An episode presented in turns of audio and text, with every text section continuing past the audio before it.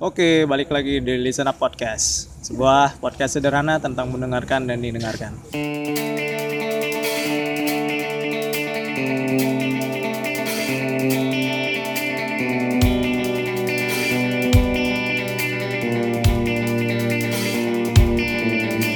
Jadi ini hari ke berapa sih? Hari Ini 28 bukan sih ya? iya, kurang 28. lebih satu mingguan lah Ya ini malam ketujuh. Ya ini malam ketujuh ya berarti ya. Ya kita udah hampir di penghujung bulan Ramadan ya, udah bulan, bulan suci Ramadan. Udah map, udah udah final banget lah. Besok udah Kamis atau Jumat gitu lebarannya Ya, kan. kami sudah masuk Sawal. Ah, Kamis Insya udah Allah masuk awal. Kemungkinan Jumat udah Lebaran. Jum- Jumatnya Jumat diperkirakan udah lebaran gitu. Udah Lebaran. Sip, Jadi di sebelah saya ini udah ada Siapa Bang? Ayo Bang. Ya. Perkenalan diri dulu. Nama saya Yudi. Eh, kebetulan aktivitas sehari-hari tukang seduh kopi. Barista. Yo, barista tuh tukang seduh kopi gak sih?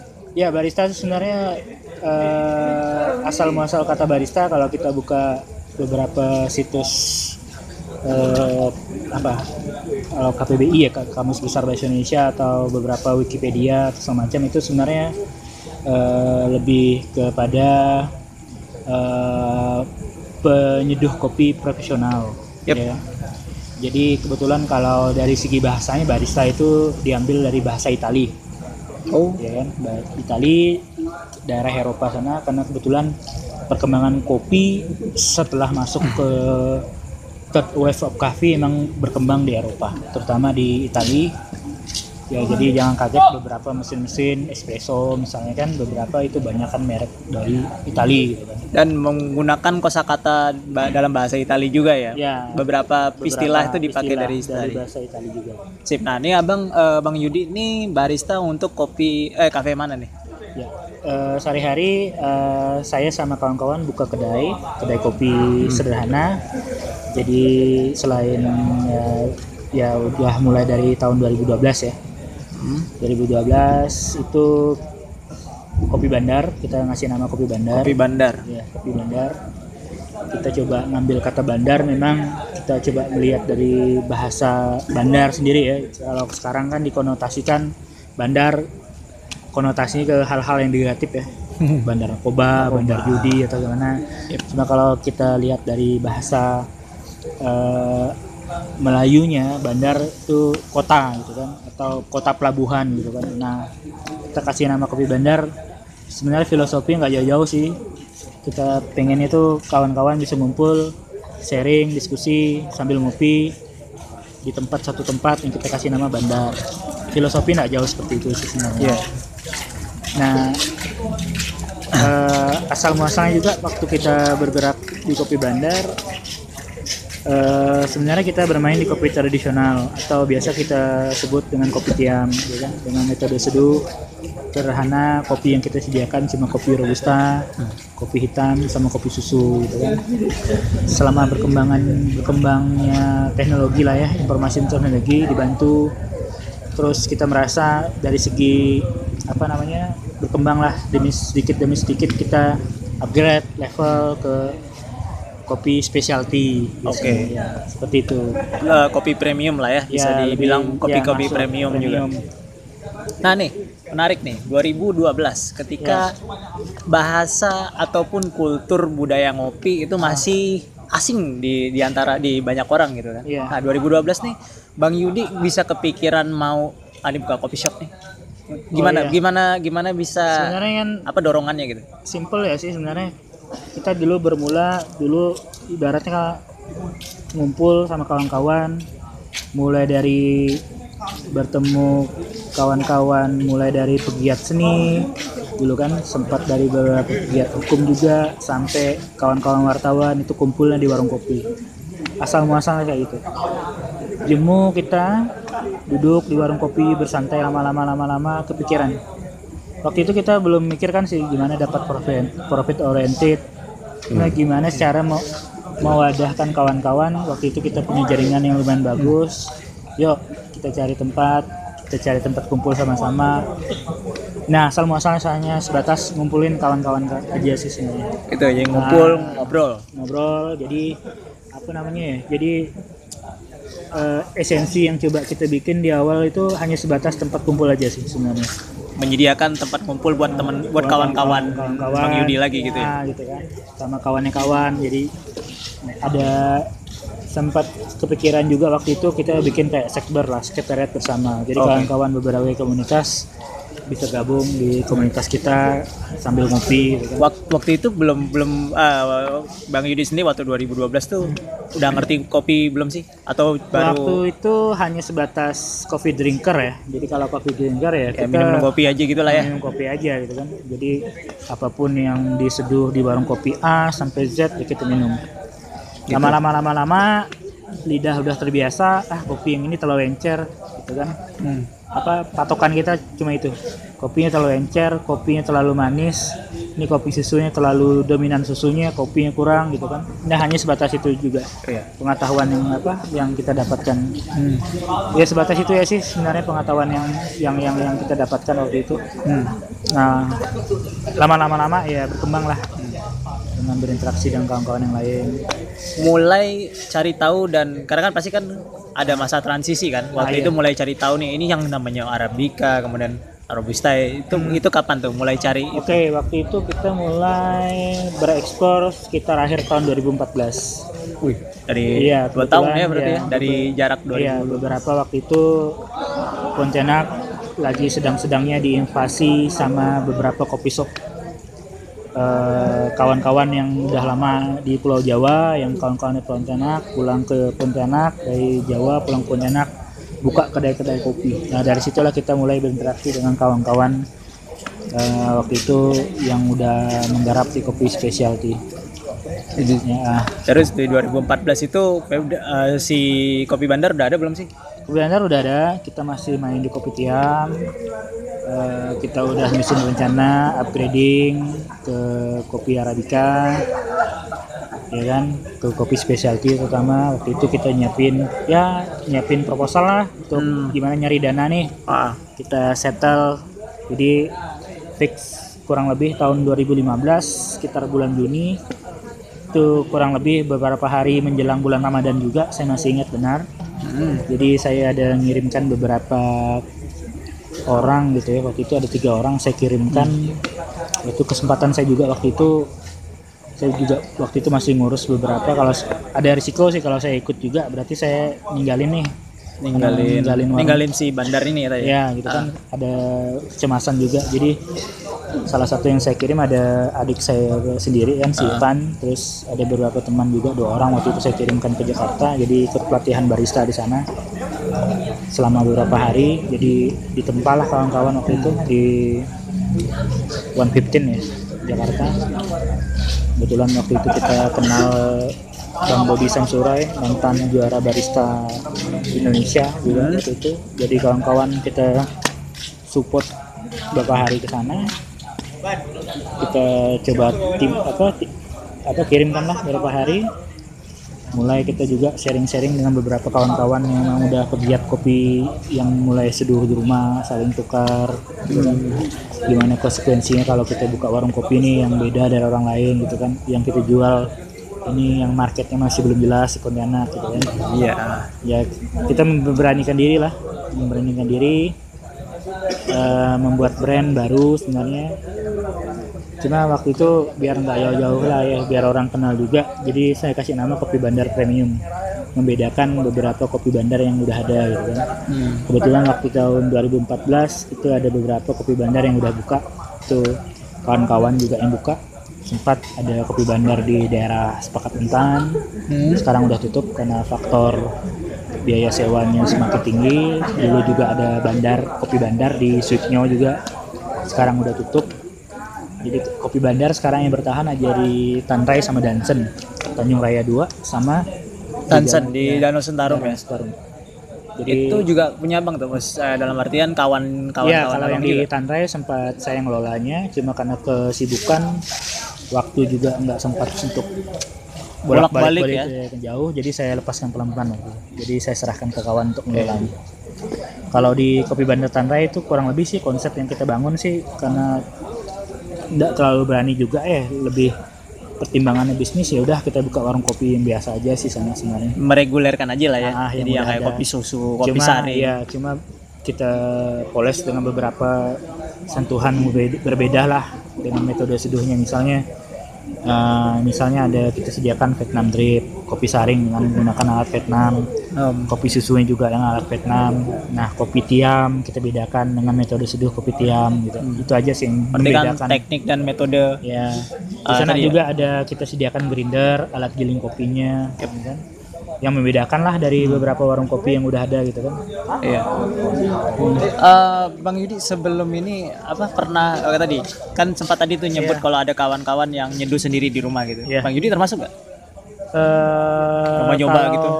awal muasalnya bergerak sih belum ya mungkin karena memang eh, beberapa kawan-kawan yang memang udah mulai nyeduh sendiri di rumah itu memang rata-rata udah kenal kopi arabica sebenarnya jauh dari kawan-kawan yang ada. Jadi mereka udah sebenarnya bisa dikatakan kalau mau buka warung kopi mereka lengkap alatnya. Cuma memang karena keterbatasan waktu juga karena mereka rata-rata bekerja jadi nyeduhnya penyeduh sendiri di rumah. Ya sempat juga kita sharing-sharing belajar dengan kawan-kawan yang udah punya beberapa alat seduh kita belajar sharing apa sih ini metode seduhnya? Mulai-mulai kita juga searching di internet. Hmm. bedanya metode pour over imersi sama metode apa seduh lainnya apa perbedaannya mulai kita belajar. Kita ketemu dengan artikel-artikel mulai dari sejarah kopi. Ada istilah seka- sekarang ini ada first wave of coffee second wave of coffee Iya. third wave of coffee. Ya itu kita mulai explore gitu kan Yep. udah itu misalnya ada beberapa eh, apa namanya sharing-sharing tentang kopi yang lebih mendetail biasanya ada beberapa acara-acara kopi di Pontianak kita coba ikut ya sebatas-sebatas itulah untuk menambah apa pengetahuan lah Termasuk yang kemarin yang waktu ada festival barista tuh datang nggak bang? festival barista kebetulan sebenarnya kita ngambil stand ya karena memang keterbatasan juga waktu itu kita juga SDM-nya sedikit Heeh. hitung hitungan juga kalau kita ngambil stand dengan sekian biayanya ya mungkin kita nggak ngejar profit sih. Yang namanya walau udah konsekuensi kita ngambil stand ya anggaplah biaya promo gitu kan. Sebenarnya bukan hanya sebatas biaya juga sih yang kita pertimbangkan cuma karena SDM takut tidak terkelola dengan maksimal ya udah waktu itu kita cancel ikut ngambil stand jadi waktu itu kita putuskan kita ikut di perlombaannya aja. Kebetulan pas di acara tersebut ada lomba. Oh, iya, iya. Oh iya, oke. Ya, ada kita, lomba. ya, apa sih lombanya? latte art waktu itu siap bang Latte, latte art ya latte art art. Yang jadi nah, jadi acara kemarin sempat dulu ada pertama kali festival barista ya kalau salah itu diadakan sama eh, pemerintah kota sini Iya. sama Pemkot kalau Pemkot lah, salah. kalau yang kedua kali kemarin pekan kopi mandiri itu kebetulan digarap sama IO dari Jakarta kerjasama dengan bank bank BUMN jadi kan waktu itu eh, kebetulan tempatnya sama juga di lapangan parkir Rayani Mega Mall. Oh, oke. sama sama juga. Cuma beda eventnya garapannya juga beda sih sebenarnya. Ah. cuma yang pas acara kedua ya lebih terkonsep sih. Karena yang turun pun yang garap itu lebih tersistem. Eh, Bang Yudi termasuk ikut nggak sih yang kedua? yang kedua saya juga nggak ikut sih. Cuma ya nggak ikut ngambil stand maksudnya. Eh, tapi ikut Ah, kompetisinya. kompetisi kita ikut juga oh, jadi Kemarin. lebih ke tadi ya, Ya. mungkin nguji kali ya. Ya, lebih ke kita, testing. kita turunkan tim-tim kita lah minimal untuk meramaikan target untuk juara sih tidak ada yang penting kita Ya. meramaikan aja sih gitu kan jadi dari beberapa kota Ah. sebenarnya kemarin yang di pekan kopi mandiri bukan hanya dari Pentanak peserta banyak dari beberapa kopi shop di Jakarta juga sih Oh. Jawa sebagian besar ada yang turun dari Banjarmasin dari Pangkalan Bun kemarin turun juga Oke. Nah, ya ramai juga sih yang ikut kemarin di Hmm. perlombaannya. Kalau di stand itu banyak kopi-kopi dari luar juga yang ikut. Hmm. Nah, ya jadi eh, tadi panjang lah ya. Nah, sekarang tadi nih bal- balik lagi di masa transisi nih. Kan udah mulai udah mulai paham nih bahasa-bahasa ini nih. Itu tuh pas hal yang pertama ketika tahu ternyata kopi itu se sekompleks itu gitu loh. Iya. Penyeduhan itu gimana? Kaget nggak sih? Maksudnya, uh ternyata nggak semudah kita naruh kita buka Ya, sachet dan waktu kita itu, masukin. Ya, agak sedikit berbeda sih kan. Dulu kita menyentuh, wah ternyata misalnya dalam indikator dalam judul kopi lah yang sederhana Hmm. wah ternyata mulai agak sedikit freak gitu kan. Wah kok air diseduh diukur-ukur sih pakai termo gitu kan. Iya. udah itu kok ada hitung-hitungannya juga sih kok harus pakai timbangan. Apa sih maksudnya ini? Iya, ada beda. sedikit-sedikit kita mulai paham. Sedikit kita mulai paham kenapa harus menggunakan suhu sekian termometer jadikan indikator untuk ininya. Terus kenapa harus ada yang namanya timbangan atau timer juga. Ternyata eh, kita anggap waktu itu eh, sedikit banyaknya oh pikir eh, oke coffee is science waktu itu ternyata kopi itu tidak jauh dari beberapa meja lab yang pernah kita sentuh Dulu di zaman-zaman SMA, SMA. gitu kan kurang lebih kayak gitu gitu kan nah ada beberapa indikator semakin kita mendalami itu ya hampir kurang lebih seperti pepatah lah ya Ah, semakin kita tahu semakin banyak kita tidak tahu sebenarnya ya, ya kita nggak tahu apa-apa Ah, gitu. tahu apa-apa istilahnya. Itu ya. Makin banyak kita tahu, Jadi tapi kita nggak iya. tahu apa-apa. semakin banyak curious lah ya Hmm. apa namanya ya keingin tahunan makin bertambah ini apa sih apa ini gitu kan Ya, sebenarnya itu itu ya hukum hukum dari pengetahuan emang kayak Ya, gitu. Makin itu. kita nyelam sebenarnya kita nggak tahu apa-apa gitu. Hmm. Tapi justru karena ketika makin makin tenggelam dalam mengulik kopi itu muncul ini, Iya, muncul jadi ada hal-hal yang misalnya hal-hal yang sifatnya estetika misalnya. wah. Estetika seperti ini. Misalnya parameter saya kopi saya enaknya seperti ini. Hmm. Nah, maka kadang-kadang untuk rasa itu subjektivitas itu kita tidak bisa bilang oh ini enak, oh ini tidak enak gitu kan. Oke. Makanya dalam kompetisi sekalipun itu ada judge-nya, ada jurinya. Misalnya Oke. untuk di manual brew, misalnya kesepakatan para jurinya untuk menentukan rasa enak nih, kopinya harus balance nih. Oke, ah, harus Bukan bukan Seimbang, ya simbang. Flavor yang dikeluarkan minimal taste note-nya ini ini ini, misalnya ada floralnya, ada bodinya misalnya medium, terus acidnya tidak terlalu mengganggu gitu kan, bitternya eh, ini gitu kan. Hmm. Nah, indikatornya banyak. Oke. Nah, maka kadang-kadang tadi yang saya katakan eh, subjektivitasnya ini tidak bisa kita tolak ukurnya harus dari mana. Nah, makanya sebenarnya kalau di dunia kopi semakin kompleks kita mendalami, jadi ada namanya eh, kita akan bertemu ada namanya diagram SCAA. Diagram SCAA itu sebenarnya udah dibikin sama beberapa peneliti. Itu udah berapa kali diperbaharui kalau nggak salah jadi diagram CA itu kita bisa dapat dapat patokan nih, misalnya kopi ini rasanya seperti ini, ini patokannya seperti ini. Jadi kurang lebih kayak diagram kimia lah kayak waktu kita belajar di kopi. Eh di di, Di ada diagramnya. Kimia bener. Ya, ada diagramnya. Lebih tepatnya mungkin tabel kayak Ya, tabel periodiknya. Tabel periodik ya, kurang lebih seperti itu. Cuma Keren ya. dengan dengan dengan dengan dengan Ya, dengan lingkaran, bahasa- lingkaran lingkaran yang ke kiri ke ke apa ya kayak ke pot ke iris Misal- ke iris ke iris ke misalnya iris gitu. dengan varietas kopi ini misalkan Ah, oke. varietas kopi banyak arabica Banyak. bukan hanya sebatas misalnya Indonesia aja sih, itu lebih dari puluhan ratusan mungkin ada mungkin. Karena ada yang campur silang lah apa segala macam. Ah. proses eh, ininya gitu kan. Jadi sangat kompleks itu. Misalnya misalnya kopi-kopi juga maka kalau banyak kan orang bilang kopi enak mungkin kopi dari mana sih sebenarnya? Ya banyak faktor sebenarnya. Maka kadang-kadang biasanya kalau di standar kopi yang udah masuk ke dalam eh, komunitas lah misalnya di Indonesia nih ada SCAI Specialty Coffee of Indonesia yang juga ada dia kayak ada lembaganya Wah, ada lembaganya ya ada lembaganya yang khusus meng, tadi ya, Iya. mengatur parameter Jadi untuk parameternya biasa ada lelang kopi, ada hasil cupping tertinggi misalnya. Misalnya kemarin Prenger sempat dari Jawa Barat itu pernah rekor satu kilo harganya sekian juta karena cupping skornya lebih dari Wow. 90 gitu kan. Nah cupping score ini yang tidak sembarangan orang yang cupping. Jadi emang ada yang beberapa judge atau minimal eh, eh, orang dengan latar belakang punya sertifikasi di dunia kopi. Misalnya di kopi arabica ada namanya key grader. key gra- key graded. Ya key grader memang dia punya license dan memang tidak sembarangan license itu diberikan untuk seseorang yang udah mendalami di key grader. Wow. Ya untuk kita menyelami di key grader pun ya lumayan, bukan hanya waktu dan tenaga, tapi lumayan besar juga biaya yang kita Hmm. investasikan Yang di- untuk di key grader.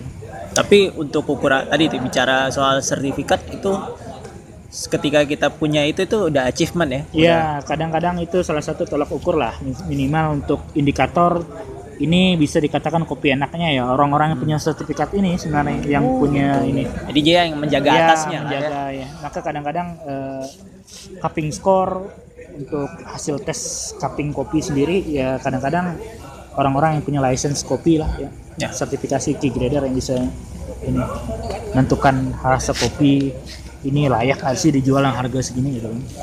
Yap, yap, yap, yap. Ya agar agar ini tuh eh, maksudnya harga tuh nggak saling ini ya, nggak saling Ya. serobot lah ataupun Terus juga ya itu baru di indikator cupping score sebenarnya kalau kita bicara masalah kopi kan sangat panjang. ya, Distribusi hulu ke hilir mulai panjang. ya, mulai dari tanamnya maka rata-rata kalau kita lihat di bungkus-bungkus kopi dari beberapa rumah roasting baik di Pontianak maupun di Jawa Indonesia lah pada umumnya itu mereka seperti kalau di peta tuh ada kayak apa namanya kalau di peta-peta itu ada kayak heat map. ya Bukan. kayak hint ya Ah. kayak tanda-tandanya gitu ya ya sama juga di kopi misalnya kopinya ini varietasnya katura ditanam di ketinggian sekian mdpl 1000 mdpl Yap. Terus nanti proses pasca panennya sekian jadi dis, apa alur kopi dari hulu ke hilir tuh lumayan panjang Ya. Hmm, Karena aku juga dulu pernah di Solo ngunjungin salah satu Ah. coffee shop yang memang ada petanya sih. ya Ada kayak peta varietas kopi yang ada di Indonesia gitu. Varietas, ah, Jadi terus- memang nah nama-namanya gitu di misalnya di Sumatera itu nah nama-namanya ditaruh Ya, di situ. Ini apa nih itu. namanya? Misalnya atau terus misalnya sampai di Toraja, Toraja ya kan. Ah, jadi lumayan Nah, karena emang Indonesia kan emang salah satu kenapa termasuk dalam lingkaran belt of coffee ya, lingkaran garis katulistiwa ekuator memang Ya. daerah-daerah tropis yang dikelilingi ya. garis katulistiwa udah itu daerah ring road juga untuk gunung berapi maka beberapa eh, pulau Indonesia itu sangat bagus lah untuk ditanami kopi arabica gitu kan makanya kopi untuk di arabica selain di Indonesia itu tersebar di beberapa negara Afrika yang dilalui oleh garis ekuator Oh, iya. maka kalau di Afrika biasanya kita ketemu dengan kopi dari daerah Kenya Hmm. ya kan udah itu dari beberapa negara Amerika Latin kita temukan dari Panama. Panama segala macam karena Yep. emang Ya kena itulah, yang kena kena garis ekuator. garis ekuator tadi Nih, bicara Indonesia nih. Ah. Nah, tadi kita wah, nah, ada kan ke ternyata di Indonesia sendiri budaya ngopi itu ada kan ya? Iya. Nah, ada budaya ngopi nih. Nah, terus kalau kita ambil kota ambil contoh kota kita lah ya, Pontianak kayak gitu. Nah, ini budaya ngopi orang Pontianak nih kayak gimana sih, Bang? Sebenarnya kalau kopi Pontianak sebenarnya banyak sih sebenarnya Hmm. orang nanya. Ini sempat diperbicarakan sih di beberapa forum ya. Yap. jadi ada di kalau di Kaskus lah dulu ya saya sebutkan namanya website. Oh, ini Abang mantan main kaskus juga nih jadi jikanya. ada specialty coffee of Kaskus katanya. Yo. Jadi di situ diskusi diskusi beberapa metode seduh sampai kopi-kopi itu kan. Di beberapa forum-forum luar juga ada juga beberapa diskusi-diskusi tentang kopi. Eh, jadi misalnya untuk di kopi Indonesia sendiri lah masalah kultur gitu kan. Yap. mulai dari yang paling simple metode seduh asli orang Indonesia apa sih gitu. Banyak yang bilang oh ini kopi kopi ini katanya misalnya kopi daerah Aceh ada kopi saring nih gitu kan. Atau dari daerah Bangka Belitung daerah Sumatera sampai Pontianak ada kopi tiam nih katanya sebenarnya nah, sebenarnya di Indonesia sendiri sih kalau metode yang paling murni kalau menurut saya lah ya dari beberapa itu tubruk lah ya kopi Tubruk. yang tanpa saring atau di Jogja itu ada kopi jos Kopi itu salah satu metode seduh original lah orang Indonesia Dan memang sebenarnya. jos itu adalah terminologi yang cocok Ah, iya. ketika arang itu dimasukin. masukkan kopi gitu kan Bang Yudi pernah nyobain? pernah Ah, bagus. Saya juga pernah. jadi kopi jos gitu kan nah itu sebenarnya kalau di Pontianak sekali Pontianak sih sebenarnya itu kurang lebih lah dengan kultur di daerah Sumatera lah ya. Kalau kita lihat mulai dari daerah ujung Sumatera Aceh sampai ke daerah eh, Riau Palembang dengan kultur budaya ngopi orang-orang Melayunya Bangka Belitung juga termasuk beberapa kepulauan Natuna juga di sekitar-sekitar eh, Sumatera sampailah Pontianak. Sebenarnya kul- kultur kopi tiam itu kuat sekali. Yap. Jadi memang eh, kopi tiam ini kan kalau kita lihat dari segi brand jangan kaget kalau di Singapura ada istilahnya kopi tiam juga di Malaysia juga ada kopi tiam gitu kan ya sebenarnya emang dibawa sama pedagang-pedagang dari Oh, Ma- Malaya ya berarti ya, Iya. Semenanjung Malaya kan? ya daerah-daerah Cina juga gitu kan Daerah oh ya Indochina, Indochina, Indochina sorry. sebenarnya. Daerah Indochina. Nah, tadi balik lagi ke budaya kopi orang Pontianak nih. Nah, tadi kan ada nyebut kopi tiam ya? ya kopi tiam. Kopi tiam nih. Kopi tiam nih apa nih metodenya atau Ya, memang sih kopi tiam sih metode seduhnya sih sebenarnya. Kalau menurut saya sih metode seduh sama alatnya. Alat yang dipakai. yang disebut tiam tuh alatnya apa? Ya, salah satunya eh alat sama metode seduhnya juga. Tiam Alat. gitu kan, metode seduhnya. Yang pakai itu ya, Ya, pakai tarik-tarik beberapa gitu ya. tempat ada yang bilang pakai tarik segala macam. ya. Oh, gitu. Sebenarnya panjang juga sih banyak sih istilah kopi tiam tuh sebenarnya banyak kalau kita browsing browsing banyak banyak versi sih Ini sebenarnya tentangnya kultur-kultur ngopi itu banyak. Cuma kalau memang eh, di Semenanjung Melaya sampai Kalimantan nih, Kalbar lah khususnya Pontianak itu beda dari tempat yang lain gitu. Jadi bukan hanya sebatas tempat warung kopi, bukan hanya sebatas tempat orang ngopi, itu banyak aktivitas terselubung di dalamnya gitu kan. waduh. Nah, ya mulai dari transaksi lah, tempat ketemu, lobby-lobby bisnis, tempat belukar berkumpul, nah, tempat breaknya kawan-kawan wartawan sama aktivis-aktivis lingkungan, NGO kadang-kadang ketemu, saling diskusi, menghabiskan waktu, banyak sebenarnya. Aktivitas-aktivitas terselubung yang itulah sebenarnya yang membuat warung kopi ini ramai di Pontianak. Jadi sebagai tempat eh, bertemu lah gitu kan. Ya, titik temu juga ya. Temu titik temu untuk kawan-kawan Ya. ya. Selain Jadi- mereka meng- mereka punya kegiatan mereka masing-masing, mereka ya nikmatin yang tadi kan ya. ya nikmatin kopinya gitu kan ya, nah, bahkan sekarang dengan pesatnya kemajuan teknologi ditambahlah dengan eh, fasilitas wifi gitu kan sama nonton bareng bahkan ada yang menambahkan live music gitu kan pas Iya. beberapa malam tertentu Ya sebut aja lah malam minggu ya gitu Ah, kan ada ada keakustikan lah, ada apa Ya, gitu. Kadang tambah. nonton bola kalau juga malam minggu kan beberapa tempat. Hmm, nah ini pengen tapi ini menarik nih karena Bang Yudi kan praktisi nih, Ya. praktisi yang benar-benar nyoba kopi dari man- dari yang otodidak kan, Ya. belajar cari gitu kan. Eh, sebelum eh, waktu itu waktu pernah nggak sih baca literasi tentang kopi gitu? Misalnya ya kayak lumayan sih. mulai misalnya banyak waktu pas ngulik-ngulik itulah ya, ya kali ya. saling saling apa semakin tadi yang sebut yang pernah saya singgung tadi semakin banyak kita tahu semakin tidak tahu ya. Sedikit sedikit kita cari referensi-referensi mungkin dari kapan sih jangan dengan berbagai macam versi. Misalnya kopi pertama kali ditemukan dengan jenis-jenis kopi yang ada. Dulu saya cuma tahu kopi ada dua robusta arabica.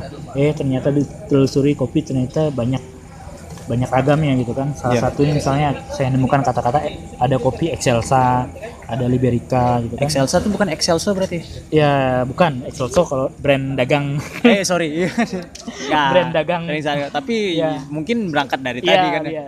Excelsa ya ya, excelsa.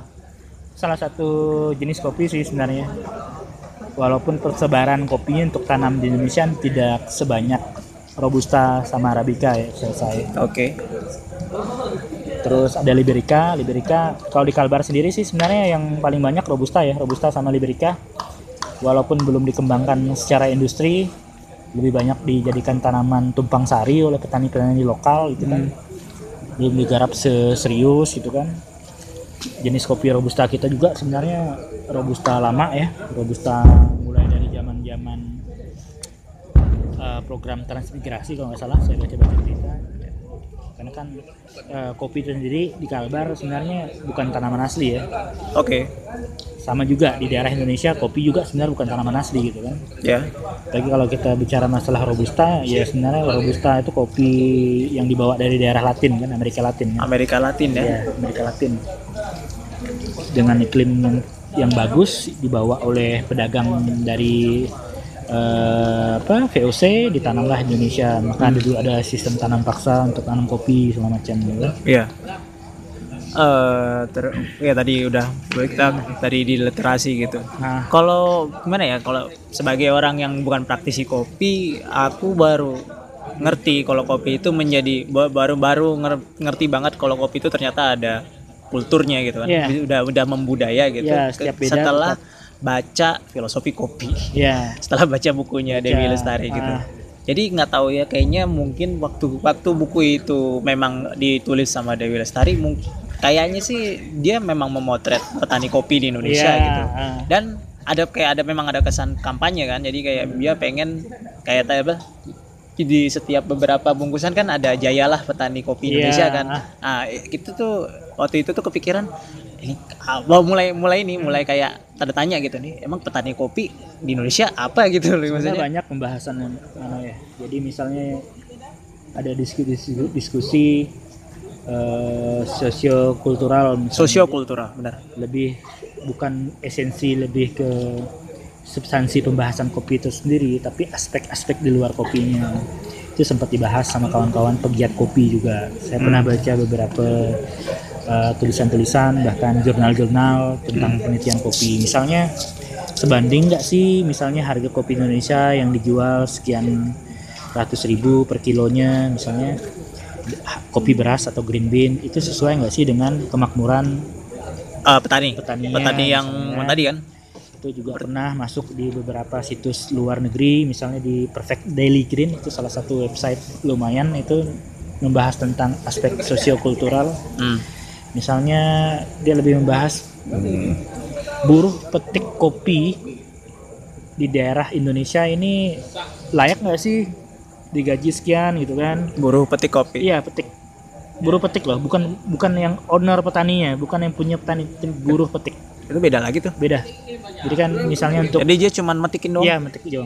Itu sebanding nggak sih biayanya gitu kan? Karena kan mereka nggak sembarangan petik. Apalagi dalam metode pa- panen kopi sama proses pasca panen eh, kawan apa para petani petik kopi itu sangat menentukan eh, kualitas kopi karena eh, untuk metik kopi itu sendiri itu ada teknik-tekniknya. Jadi nggak sembarangan metik ya. Ya, misalnya yang paling umum lah, misalnya kopi, misalnya untuk dalam satu pohon kopi, eh, dalam satu bunganya dengan tumbuh beberapa biji kopi itu nggak semua kan diambil kopinya kan, misalnya kan. Hanya kopi-kopi yang merah yang boleh dipanen, yang belum merah tidak boleh dipanen. Berarti yang hijau-hijau nggak boleh tuh bang. hijau. Jadi maka lumayan kan kerapatan antara biji kopi dan yang lain kan lumayan punya punya kerapatan kan. Jadi ya tidak semua orang bisa eh, metik buah merah dalam kopi kalau nggak kalau salah-salah semuanya yang terpetik gitu kan. Nah, itu sempat dibahas dari aspek sosiokultural di kopi itu sendiri misalnya. Banyak aspek sebenarnya Iya. di di di, di apa Indonesia ini kan termasuk eh, negara penghasil kopi terbesar ya di dunia gitu kan. Iya. Walaupun sekarang beberapa versi Indonesia sempat kalah ya dari negara tetangga kita Vietnam, terutama di kopi robustanya sekarang Vietnam lebih mengejar ya untuk eh, apa namanya komoditas kopi di robustanya. Iya ternyata eh, ketika tadi balik ke filosofi kopi itu ternyata banyak hal-hal lain Iya, yang banyak, mendukung banyak. mendukung si itu apa bertumbuhnya kopi yang ada di Indonesia. Iya, iya, Waktu saya banyak. baca itu kan ternyata oh, Maka ternyata ada beberapa tulisan-tulisan misalnya ya paling gampang sih gini cara mensejahterakan petani gitu kan. Kan Petani ada, kopi. ada ada ada ada ada misalnya aspek yang pernah saya baca misalnya ya bukan hanya sekedar membeli kopi yang baik dari petani ya kopi-kopi yang jelek juga kita beli Harus beli ya? misalnya enggak harus beli Eh, kita nggak harus beli beli. Ah. ya dengan mereka menjual dengan kita membeli kopi mereka dengan kualitas yang mereka bisa apa mereka sediakan nah itu salah satu membantu petani gitu kan tapi di sisi lain bertolak belakang dengan pengertian kopi specialty itu sendiri gitu kan Iya. ya kopi specialty dengan kopi yang benar-benar mulai dari metode tanam sampai perawatan maintenance kopinya pohon kopinya sampai proses pasca panen sampai datang ke rumah roasting gitu kan sampai datang setelah digiling di beberapa kedai warung kopi kopi shop gitu kan itu sempat detail seperti yang saya, singgung tadi kan mulai dari tertanamnya berapa ini Iya. uh, Dan rumah roasting tuh memang khusus mengsangrai ya si mengsangrai kopi kopi ya, gitu. biasanya kalau Kena- eh, kenapa dibi- dibuat terpisah bang dari yang tadi tuh misalnya kan petani kan udah udah Nah, metik iya. ini kan nah, berarti kan udah dapat yang kot, apa bentuk Iya. kotornya kan Ah. kenapa kenapa nggak si petaninya yang nyangrai juga gitu sebenarnya seperti Ternyata- ini eh, eh, di misalnya sangrai nah kadang kayak gini eh, kopi dari kebun A dengan proses pasca pasca panen yang sama dengan roster yang berbeda roster itu biasa sebutan untuk yang menyangrai kopi Oke. Eh, itu bisa membuat flavor rasa yang beda Oke. Nah, jadi maka kadang-kadang petani juga tidak mau ambil pusing ya dengan mereka nyangrai sendiri. Bahkan mereka ada nyangrai tapi hanya untuk kebutuhan kebutuhan yang tidak terlalu banyak. Ya mereka hanya sebatas fokus untuk penjualan di green bean ya sih sebenarnya. Karena untuk di proses pasca panen kopi itu lumayan memerlukan waktu dan tenaga yang luar biasa, bahkan biaya yang lumayan. Wow. Nah, karena pasca panen itu sangat penting sekali lah kalau untuk di kopi lah ya karena secara umum kan di kopi. Kalau kita kita baca di beberapa eh, apa namanya distribusi kopi salah satu peranan penting di proses pasca panen. Secara umum sih sebenarnya proses pasca panen tersendiri itu ada yang paling kita kenal lah ya ada dry processing ada full wash ada semi wash. Itu dengan kopi yang berbeda dengan proses pasca panen yang beda itu bisa menghasilkan rasa kopi yang berbeda sebenarnya. Nah roaster itu punya parameter tersendiri untuk menyangrai kopinya. Ini enaknya diapakan sih kopi ini gitu kan. Maka kadang-kadang dari beberapa petani-petani kopi petani juga nggak langsung jual langsung ke roaster tapi biasa mereka membentuk suatu usaha tersendiri. Misalnya yang paling sederhana kalau di Indonesia ada koperasi kopinya misalnya. Oh, ada. ya di kampung. Misalnya di beberapa tempat di Indonesia misalnya yang terkenal lah ya di daerah Jawa Barat itu ada Classic Beans itu yang diasuh oleh Pak Eko. Itu termasuk salah satu eh, eh, koperasi yang mempunyai inilah apa punya treatment tersendiri di kopi. Mereka juga mengedukasi para petani gimana cara nanam kopi yang baik dan benar proses pasca panennya gimana mereka siap nampung. Panjang sekali lah sebenarnya.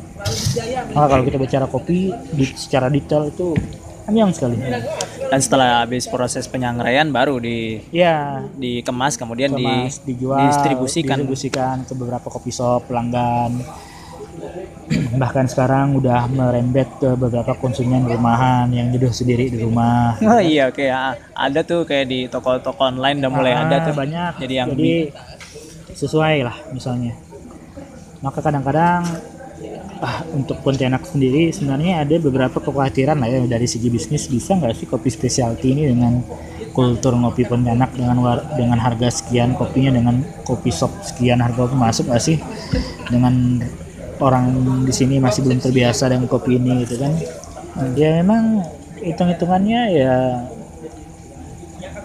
sedikit banyaknya memang butuh proses sih bukan hanya di Pontianak. Bahkan di kota-kota besar seperti Bandung eh, Jakarta sendiri. Sebenarnya masalah-masalah seperti itu sebenarnya ya, ya udah menjadi inilah apa ya menjadi makanan sehari-hari lah buat orang-orang sana itu. Ya kayak gini lah emang. Jadi balik lagi sih sebenarnya kalau kita sebagai pelaku usaha lah ya yang sebenarnya memahami konsep usaha itu sendiri ya. Kopi itu akan akan termarket dengan tersendirinya. Dengan sendirinya ya. Nah, orang mau ngopi dengan selera yang seperti ini, orang yang mau ngopi saset, orang yang mau ngopi yang mau di kopi warung kopi, Kopi biasa, pancong. nah, itu akan termarket dengan sendirinya. Kita nggak bisa paksakan market. Tapi yang kita bisa usahakan di kopi-kopi Arabica, terutama kawan-kawan yang bergerak di kopi specialty ya, itu gimana cara mengedukasi konsumen sebenarnya intinya. Ya. Bukan hanya sebatas eh, menjual brand kopi ini mahal atau enggak, enggak. Sebenarnya lebih esensinya banyak sekali sebenarnya faktor-faktor. Misalnya di metode seduh tadi yang seperti saya jelaskan ke beberapa beberapa Kawan-kawan yang di sana tadi ya. yang di dalam itu eh, lumayan kompleks sebenarnya. Dari metode seduh aja lumayan banyak kompleks yang bisa kita gali itu banyak. Ya. Dan saya cukup salut sih karena bukan cuman ya hampir semua kawan-kawan yang tadi kan yang di dalam itu masing-masing tuh punya pengetahuan punya oh ya, Iya. punya konsep berpikir ketika ini Iya. ketika dia tadi menyeduh kopi terus ini kayaknya kayak gini gitu kan ini ada itunya memang itu tuh eh apa namanya, ketika menjadi seorang barista tuh memang itu tuh salah salah satu kebutuhan bukan sih Eh, ya, jadi kalau Bukan kita kebutuhan. masuk ke ranah kebaristaan ya, jadi pembahasannya lebih kepada eh, biasa kalau kita nyebutnya ke barista hospitality, barista hos hospitality. hospitality Jadi sebenarnya barista bukan hanya ditekankan sebatas standar teknis seduh, ya tapi minimal dia punya knowledge di luar selebih dari itu. Misalnya simple, misalnya eh bagaimana misalnya pas dia melayani tamu dia bisa tersenyum yang paling simpel tersenyum terus ramah-tamah dengan konsumen sedikit banyaknya menjelaskan tentang kopi-kopi gitu kan di luar teknis seduh bukan hanya bisa nyeduh bukan hanya bisa pouring latte yang bagus dengan pattern misalnya yang bagus tapi dia bisa menjelaskan oh kopinya ini ini ini ini gitu kan. Detail banyak banyak yang bisa di, di- di- di- digali eh, pada saat itu gitu maka ya kalau dalam perspektif saya pribadi Hmm. ya wajib hukumnya kalau barista Ya, harus ya punya kelebihan bukan hanya sebatas di seduh gitu kan Iya. bahkan kalau kita bicara masalah hospitality ya gimana bisa menghubungkan komunikasi dua arah antara barista dan konsumen Iya. ya. Jadi selama nyeduh atau selama pouring latte atau membuat beberapa eh, menu baik di menu manual brewing atau di menu best espresso bisa terjadi komunikasi yang enak gitu kan. Hmm. udah itu dari segi knowledge-nya konsumen mendapatkan informasi yang bagus tentang kopi misalnya kan simple sebenarnya eh, itu menjadi bagian yang berat juga sih bukan hanya di beberapa kedai-kedai kopi yang kecil tapi beberapa kedai-kedai kopi yang besar juga menjadi beban yang lumayan untuk mengcover knowledge barista-baristanya gitu kan Iya. Karena kan untuk untuk uh, mempush menyai knowledge yang bagus di dunia kopi gitu. Iya. Dan juga sebenarnya eh, ya menariknya adalah kita tuh sebagai yang konsumen tuh selalu nanya sih. Iya, Aku juga kadang wah ini enak, ini apa nih, ini apa biasa gitu kan. kalau maka kadang-kadang uh, kelebihan barista dengan satu misalnya dengan met- dengan satu jenis yang sama gimana membuat rasa kopi itu sedikit berbeda. Misalnya ada ber- konsumen A. Konsumen A ini misalnya ini saya bicara masalah teknis ya yang lebih Ya, subs- apa-apa. substansi Mikro, lah, lebih mikro lagi. substansi ya. Misalnya konsumen si A dia ini misalnya kopi kita anggaplah kopi yang dari Indonesia, misal dari kopi dari daerah Aceh. Daerah Aceh biasa kita Kateng Aceh, daerah Aceh Tengah ya, daerah Takengon maupun daerah daerah Gayo segala macam itu terkenal dengan kopi yang lumayan strong di bodinya lah biasanya. Hmm. Hampir semua kopi dari Aceh tuh punya dia punya body eh, yang lumayan strong lah untuk ini. Nah, gimana caranya kita membuat kopi itu smooth, lembut. Oke. Jadi orang yang ngopi pun nggak terasa, aduh. ini Padahal karakter Nah, dasarnya udah strong. udah nah, sekarang gimana misal- cara bikin lembut? Misalnya ada tingkat keasaman di kopi arabica misalnya ada gimana sih? Di luar aspek sangrai ya sebenarnya. Ya, ya, Jadi sebenarnya kita nggak bisa juga sih sebenarnya berpatokan di metode seduh karena kalau kita eh, maka kalau dibilang kopi enak tadi yang saya bilang standarnya bukan hanya sebatas di barista. Yang ini yang coba saya tekankan. Barista bikin kopi enak sebenarnya kalau menurut saya pribadi dari beberapa literasi yang sempat saya baca itu punya kemampuan bikin kopi enak tuh hanya sekitar 30%. 70 persennya? Tadi yang sempat saya singgung mulai dari tanam kopinya, mulai dari proses pasca panennya, mulai dari proses gradingnya sampai proses datang ke rumah roasting. Jadi banyak aspek semua. Itu keseluruhannya. Ya, keseluruhannya. Barista punya kemampuan 30% sampai 20% punya kemampuan nyeduh kopi enak. Jadi kalau pada dasarnya kopi udah nggak enak, ya barista punya kemampuan skill yang tinggi. Enak itu kopi. Iya. Jadi enak pasti. N- Nggak juga. Enggak juga. Jadi aspeknya bukan hanya sebatas di meja bar pada saat menyeduh jadi. Maka eh, walaupun barista itu salah satu front ibaratnya kalau pion lah kalau di catur ya Ya. kalau kita Bidak. ini, bidak lah ibaratnya tapi banyak aspek-aspek juga Ya. di di hulu kopinya juga yang membuat kopi itu enak atau enggaknya jadi Ya. barista hanya punya kemampuan sekian persen lah untuk membuat kopi kopi itu enak atau enggak Tapi dia juga yang memegang istilahnya yang memegang kunci di mana orang itu Iya akhirnya bisa eh, bisa Bisa. bisa sampai di verdict kalau ini kopi enak Iya. dan kopi itu. maka tadi Jadi kembali kayak- lagi kadang-kadang ya subjektif Hmm. Jadi kalau saya dalam bahasa yang biasa yang sempat saya dipopulerkan kawan-kawan ya, maklumat sabikoh gitu, kalau dalam bahasa Arab itu. Ya. Informa- info- informasi yang yang pernah didapat. Jadi misalnya saya bilang kopi ini A enak. Karena saya pernah merasakan ya. Ya.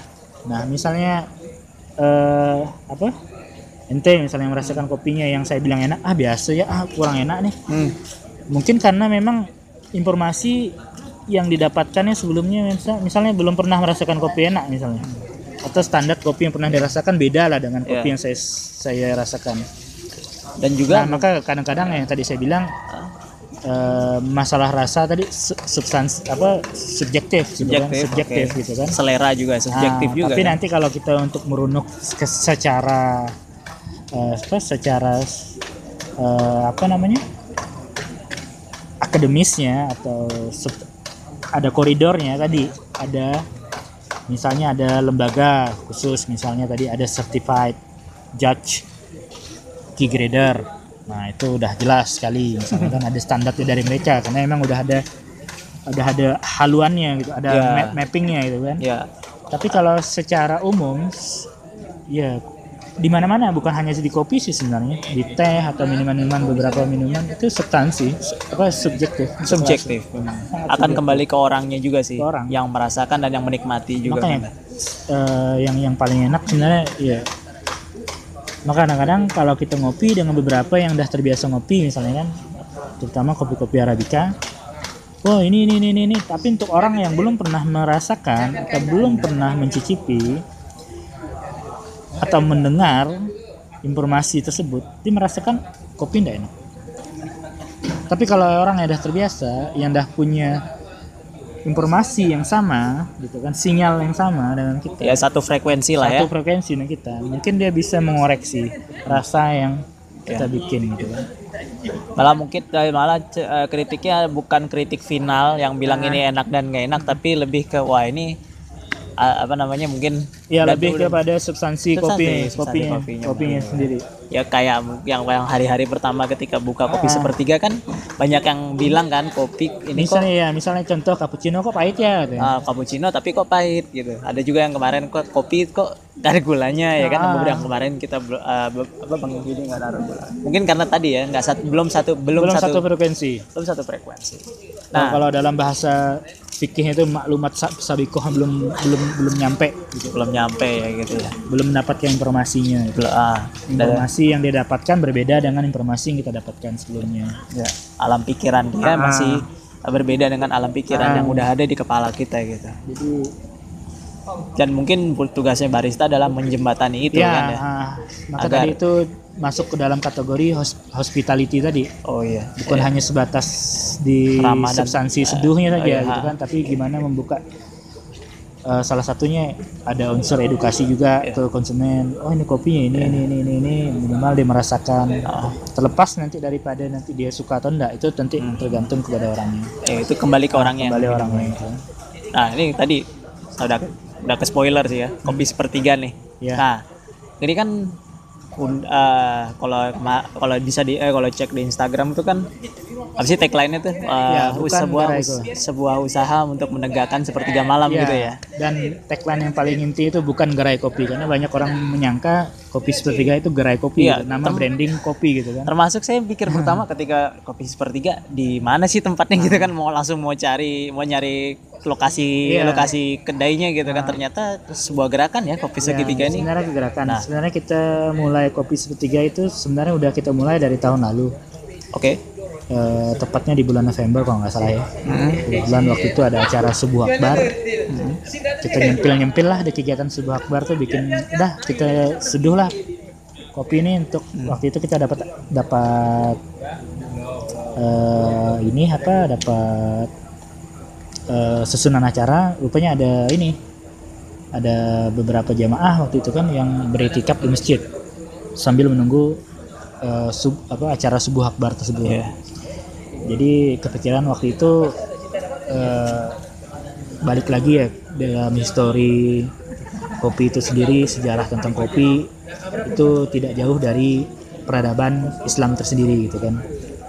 Jadi mulai dari ditemukan sampai diseduh sampai disebarkan itu tidak jauh dari peradaban Islam gitu ya. Nah, kopi sepertiga sih sebenarnya esensi di luar kopinya tersendiri sebenarnya dari kawan-kawan misalnya di sini kan kita kan bukan hanya dari eh, misalnya yang tergabung bukan hanya dari kawan-kawan individu-individu tapi dari beberapa kumpulan. Kan misalnya di sini ada WG ya kawan-kawan WG Eh, jadi mereka pengen tuh kopi di sini bukan hanya sebatas media perantara antara eh, gimana untuk menghubungkan antara eh, apa namanya? Tadi menegakkan punggung untuk ibadah tadi kan. Oke. tapi juga eh, bukan hanya sebagai perantara gitu kan walaupun memang eh, kita yang di meja barnya itu sebenarnya kopi ini perantara loh gitu kan ya ingin mengembalikan kopi ini ke kitahnya misalnya kembali ke root rootnya dulu kopi ini sebenarnya dipakai Ya, akar rumputnya. Iya, dipakai bukan hanya sebatas orang yang nongkrong buang-buang waktu gitu kan. Iya. Tapi kopi ini lekat dulu tuh kepada orang-orang ahli ibadah untuk menjaga malamnya gitu kan. Nice. Banyak lah referensi-referensi yang kita bisa dapatkan waktu itu. Jadi dengan esensi tadi, kenapa dinamakan satu per tiga kopi sepertiga karena tadi kita untuk mendukung eh, kawan-kawan yang kebetulan menjalankan ibadah itikaf itu minimal terjaga di malamnya gitu kan punya power tenaga gitu kan. Jadi tidak bermalas-malasan. Jadi kita fasilitasi ya kita kasih kopi gratis support gratis ke jemaah-jemaah itikaf sebenarnya seperti itu. Walaupun sebenarnya ada agenda-agenda lain. Eh, misalnya eh, kita pengennya ada regenerasi nih. Misalnya di kita ingin memunculkan imam-imam muda di Pontianak gitu kan. Regenerasi kita ingin mengenalkan tokoh-tokoh. Ternyata di Pontianak nih banyak generasi-generasi muda yang punya yang kapasitasnya udah bisa jadi imam gitu. Itu mah belum terekspos secara maksimal. Itu salah satu di luar agenda ngopinya sendiri. Gitu. nah agenda yang lain tadi eh, banyak. Salah satu tadi itu kita serving kopi gratis untuk para jemaah itikaf kan. Eh, terus kita ingin menghubungkan generasi-generasi biar dekat dengan masjid ya kan? Terutama kopi ini kan kalau di beberapa kota-kota besar itu enak lah ya untuk menghubungkan media perantara. Minimal penarik wah ada kopi nih gitu. Lah santai kita nggak perlu bawa kopi udah ada kopi gitu kan. Ya. karena saya sempat juga pikiran waktu zaman zaman dulu kita saya masih aktif di kampus kita mau itikaf kita bekal kopi dari luar Oke. Ya cuman tadi ya untuk Ah, kebugaran gitu kan kita supaya nggak malam, tidur nggak ya kan. tidur gitu kan nggak terlalu terlelap tidurnya kita bisa menjaga malam kita gitu Yap, kan yap, betul. Betul banget. bisa beraktivitas malam gitu kan awalnya sih seperti itu sih sebenarnya cuma berkembang semakin banyak masukan dari kawan-kawan dan yang lain oh ini ini ini, ini. pas kebetulan juga kita punya basic sama beberapa kopi yang udah mumpuni ya udah sekalian aja lah kita hajar gitu kan Iya. kita masuk masukkan kopi Ya nyemplung nyemplung lah Ah. ya, nyebur nyebur lah gitu kan sekalian basah semuanya. Eh, eh, ini ber- berarti bisa dibilang gerakan kopi sepertiga ini yang menginisiasi atau yang ke pertama kecetus idenya Bang Yudi dulu. Oh, sebenarnya kawan-kawan sebenarnya tidak juga dari kita sih sebenarnya karena, karena kita juga waktu itu eh, sebatas pencetus gagasan teknis Oke. Ya, gagasan teknisnya hanya sebatas Iya. kok harus menyediakan kopi kayak gini kita bisa loh menyediakan kopi Iya. dengan varietas ragam bahkan kita bisa support mesin loh kita ada mesin kita bisa bawa kita Ya, bisa lebih ke menyediakan mekanisme ya, lah ya. mekanisme kopinya kita bisa masih variasi kopi yang lebih dari itu Oke. gagasan kita waktu itu di teknisnya cuma kalau gagasan secara umumnya ya dari kawan-kawan WG ya Hmm. WG yang pengen punya gawai pengen punya menampilkan lah kopi bukan hanya sebatas kita menyediakan kopi gratis tapi ada nilai estetiknya lah Iya. ada sedikit warna yang berbeda gitu kan Iya. Uh, dan kawan-kawan dari kepanitiaan juga bisa memastikan ya gerakan kopi sepertiga seperti ini dengan tagline third wave at coffee masuk ke masjid bisa dikatakan kopi sepertiga ini gerakan pertama di dunia. Di Kalau dunia? kita, ya di Google kalau kita googling kopi sepertiga cuma ada di dunia yang kita kasih serving kopi gratis ke jamaah itikaf itu Baru di sini doang. punya anak doang. Ya dan memang waktu November kemarin kan, kan Ah. saya kan udah, udah ikut juga sih. Maksudnya saya juga termasuk yang datang waktu Hmm. uh, November itu. Yang ke, yang muncul di dalam ya secara kognitif tuh langsung, wah asik ya ternyata. Maksudnya secara ini ini agak uh, ini ternyata bisa mengawinkan antara sisi yang religius gitu kan dengan kultur budaya masyarakat yang tadi yang sosiokultural gitu kan kan yang uh, terminologi ngopi kan Iya. ya ke- kan sangat sangat kental dan sangat mungkin diartikan sebagai orang yang duduk bersama Ya. terus ngopi ya minum Ngopi. kopi kan menikmati kopinya kemudian entah kenapa ketika ada sepertiganya itu itu kawin dengan Mm-mm. kegiatan keagamaan gitu Iya. loh jadi akhirnya wah ternyata memang terjembatani dengan baik juga gitu kan dan ketika eh, yang sekarang ini yang kemarin-kemarin ini kan ya animonya luar biasa ya bang bang Yud eh, Kebetulan pas itikaf kita mulai terasa traffic yang sangat-sangat luar biasa pas malam ganjil ya. Malam ganjil itu kadang-kadang kita kewalahan sendiri. Bahkan kita sendiri yang di meja bar kadang angkat tangan kalau diajak, "Yuk kita itikaf." Yuk ikut tahajud. Udah Wah, kecapean. bos gitu. Kaki kita udah pegel nih gitu.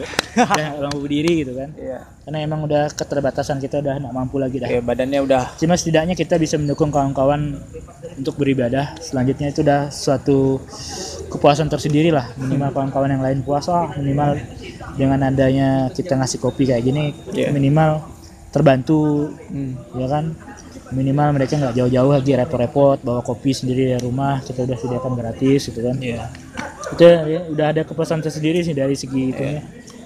dan bis, dan sangat mungkin bisa ap- ya menurut saya eh, kalau menurut pribadi sih memang lebih ini ya orang yang di belakang layar tuh ternyata kalau aku sih itu lebih keren saja sih maksudnya Sebenarnya agenda kita tahun ini, cuma karena kita agak mepet juga sih kegiatannya. Kita settle kegiatan kopi sepertiga ini satu minggu sebelum bulan Ramadan. Itu, itu pun waktu itu kita coba-coba ya ibaratnya kalau bahasa sini kita ketek-ketek kan lah kawan-kawan kita coba pancing-pancing lah kan. Yuk yuk garap lagi yuk, garap lagi yuk. Ini belum puasa nih sebelum ada terakhir boleh nih gitu kan. Nah, jadi pas kita mulai kasih itu lagi, rupanya disambut sama kawan-kawan yang lain. Oke kita garap. Nah konsep kita sebenarnya lebih detail lagi sebenarnya lebih panjang. Kita coba coba pengen itu di awal kita mau kolaborasi dengan beberapa komunitas-komunitas yang ada di Pontianak. Salah satunya kemarin kita coba eh, coba kolaborasikan dengan karya-karya eh, eksibisi kawan-kawan misalnya di MDC waktu itu Muslim Designer Community atau kawan-kawan yang bergerak di Kalusti, Ka- Katulistiwa Katulistangan. Katulistangan gitu kan. Jadi misalnya dengan unsur-unsur eh, estetik kesenian misalnya kan. Atau kalau dalam bahasa-bahasa gerakan ini ada propaganda-propaganda lah untuk di bahasa apa di di, di bidang-bidang eh, spiritual misalnya kan. Jadi sambil orang ngopi bisa melihat eksibisi oh ternyata ada loh komunitas ini loh yang bergerak di bidang ini. Misalnya yang kita coba bawa dengan concern-concern tentang kemanusiaan misalnya Ya. kan.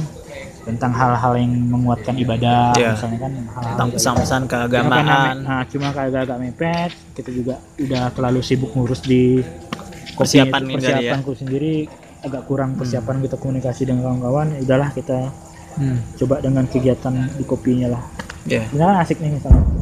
Ya ak- Sini, ya. misalnya orang di sini bisa, bisa berkeliling nih Yep. lihat eksibisi kan misalnya ada foto-foto misalnya kan oh asik gitu kan kita bisa dan mungkin menjadi target ke depannya kali ya Ah. karena sepertiga ini kan Ya. tidak berhenti di Ya, akhir 10 bukan. 10 akhir Ya. Ramadan tapi mungkin di bulan-bulan berikutnya ya bulan akan berikutnya bisa kita laksanakan karena memang kita sih sebenarnya esensi juga bukan hanya sebatas di bulan Ramadan kita menjaga spirit ibadah di bulan Ramadan ini bisa Ya. di hari-hari di bulan-bulan berikut-berikutnya gitu. Ya. Itu yang coba kita jaga gitu jadi Iya. Ya, ma- Bapak tadi mem, apa menjaga momentum ya Iya. gitu.